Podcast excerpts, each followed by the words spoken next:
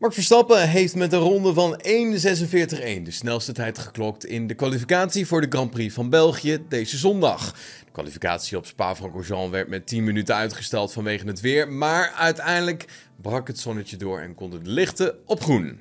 De zon was er, maar de baan was natuurlijk nog wel glad. Dat bewees ook Lando Norris die weggleed en door het grind ging.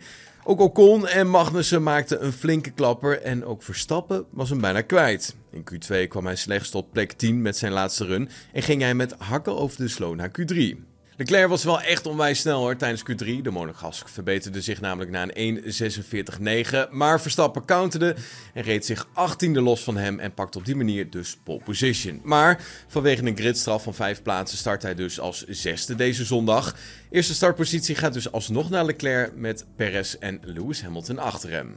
Over de boordradio was er nog wel wat oneenigheid tussen Verstappen en zijn engineer GP. Eh, hij ging nog maar net door naar Q3 en had dat toch het liefst anders gezien.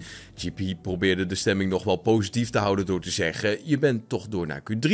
Waarop Verstappen reageerde: Ja, dat interesseert me geen fuck. Het was gewoon een slechte uitvoering. Later, toen hij pole position veroverde, verontschuldigde hij zich nog wel tegenover zijn engineer.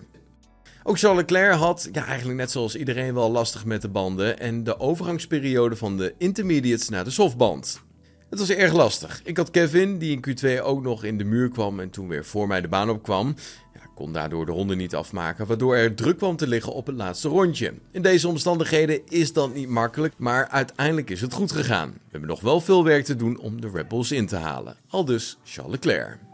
En Christian Horner vertelt dat Daniel Ricciardo in ieder geval niet voor 2025 naast Max Verstappen zal komen te zitten. Daarmee geeft hij aan dat Perez zeker is van zijn plekje voor 2024.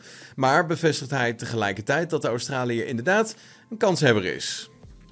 Perez heeft echter een contract tot en met het eind van 2024. En zowel Horner als Red Bull topman Helmut Marko hebben recent meerdere keren op laten tekenen dat Perez zich geen zorgen hoeft te maken. Nou, het verleden heeft echter ook wel meer dan eens bewezen dat ja, zulke woorden vanuit de Red Bull top niet altijd garantie bieden.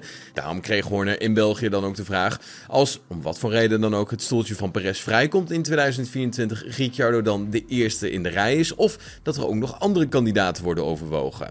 Daniel heeft het stoeltje niet gekregen omdat hij het ziet als een mogelijkheid om de komende vijf jaar een coureur voor Alfa Tauri te zijn. Hij ziet het als de snelste route om in de Red Bull te komen. Dat is zijn doel voor 2025, want dan hebben we een open vacature.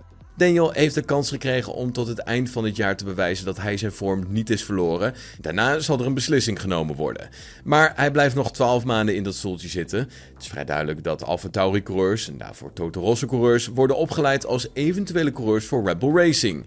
Dat weet Daniel en dat is zijn perspectief, maar het zal in ieder geval niet voor 2025 gebeuren. Al dus Christian Horner. Alpine heeft zojuist bekendgemaakt dat teambaas Otmar Zafnauer is ontslagen. Hij zal naar de Grand Prix van België team verlaten.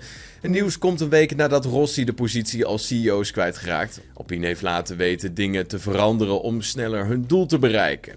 Bruno Van Min, de vicepresident van Alpine Motorsport, neemt tijdelijk de rol van teambaas op zich vanaf de Nederlandse Grand Prix na de zomerstop.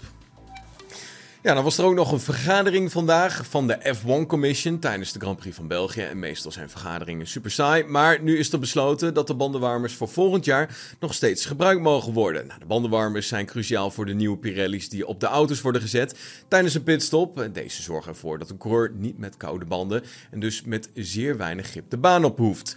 Minstens een merendeel van de teams waren dan toch al tegen het verbod, dus dat komt dan goed uit. Goed, uh, even een kleine reminder. Deze zondagochtend zijn we er weer met Goedemorgen GP-fans. Bij ons aan tafel Lamar winnaar Nicky Katsburg. En jij kan ook nog kans maken op twee keer de game F1 23. Hoe kan je kans maken? Hoe kan je winnen? Abonneer even op dit kanaal. En check deze zondag om 10 uur dus de live show. En uh, doe even actief mee tijdens de chat. op die manier maak jij dus kans op die F1 23 game. Zie ik je dan weer. Hoi!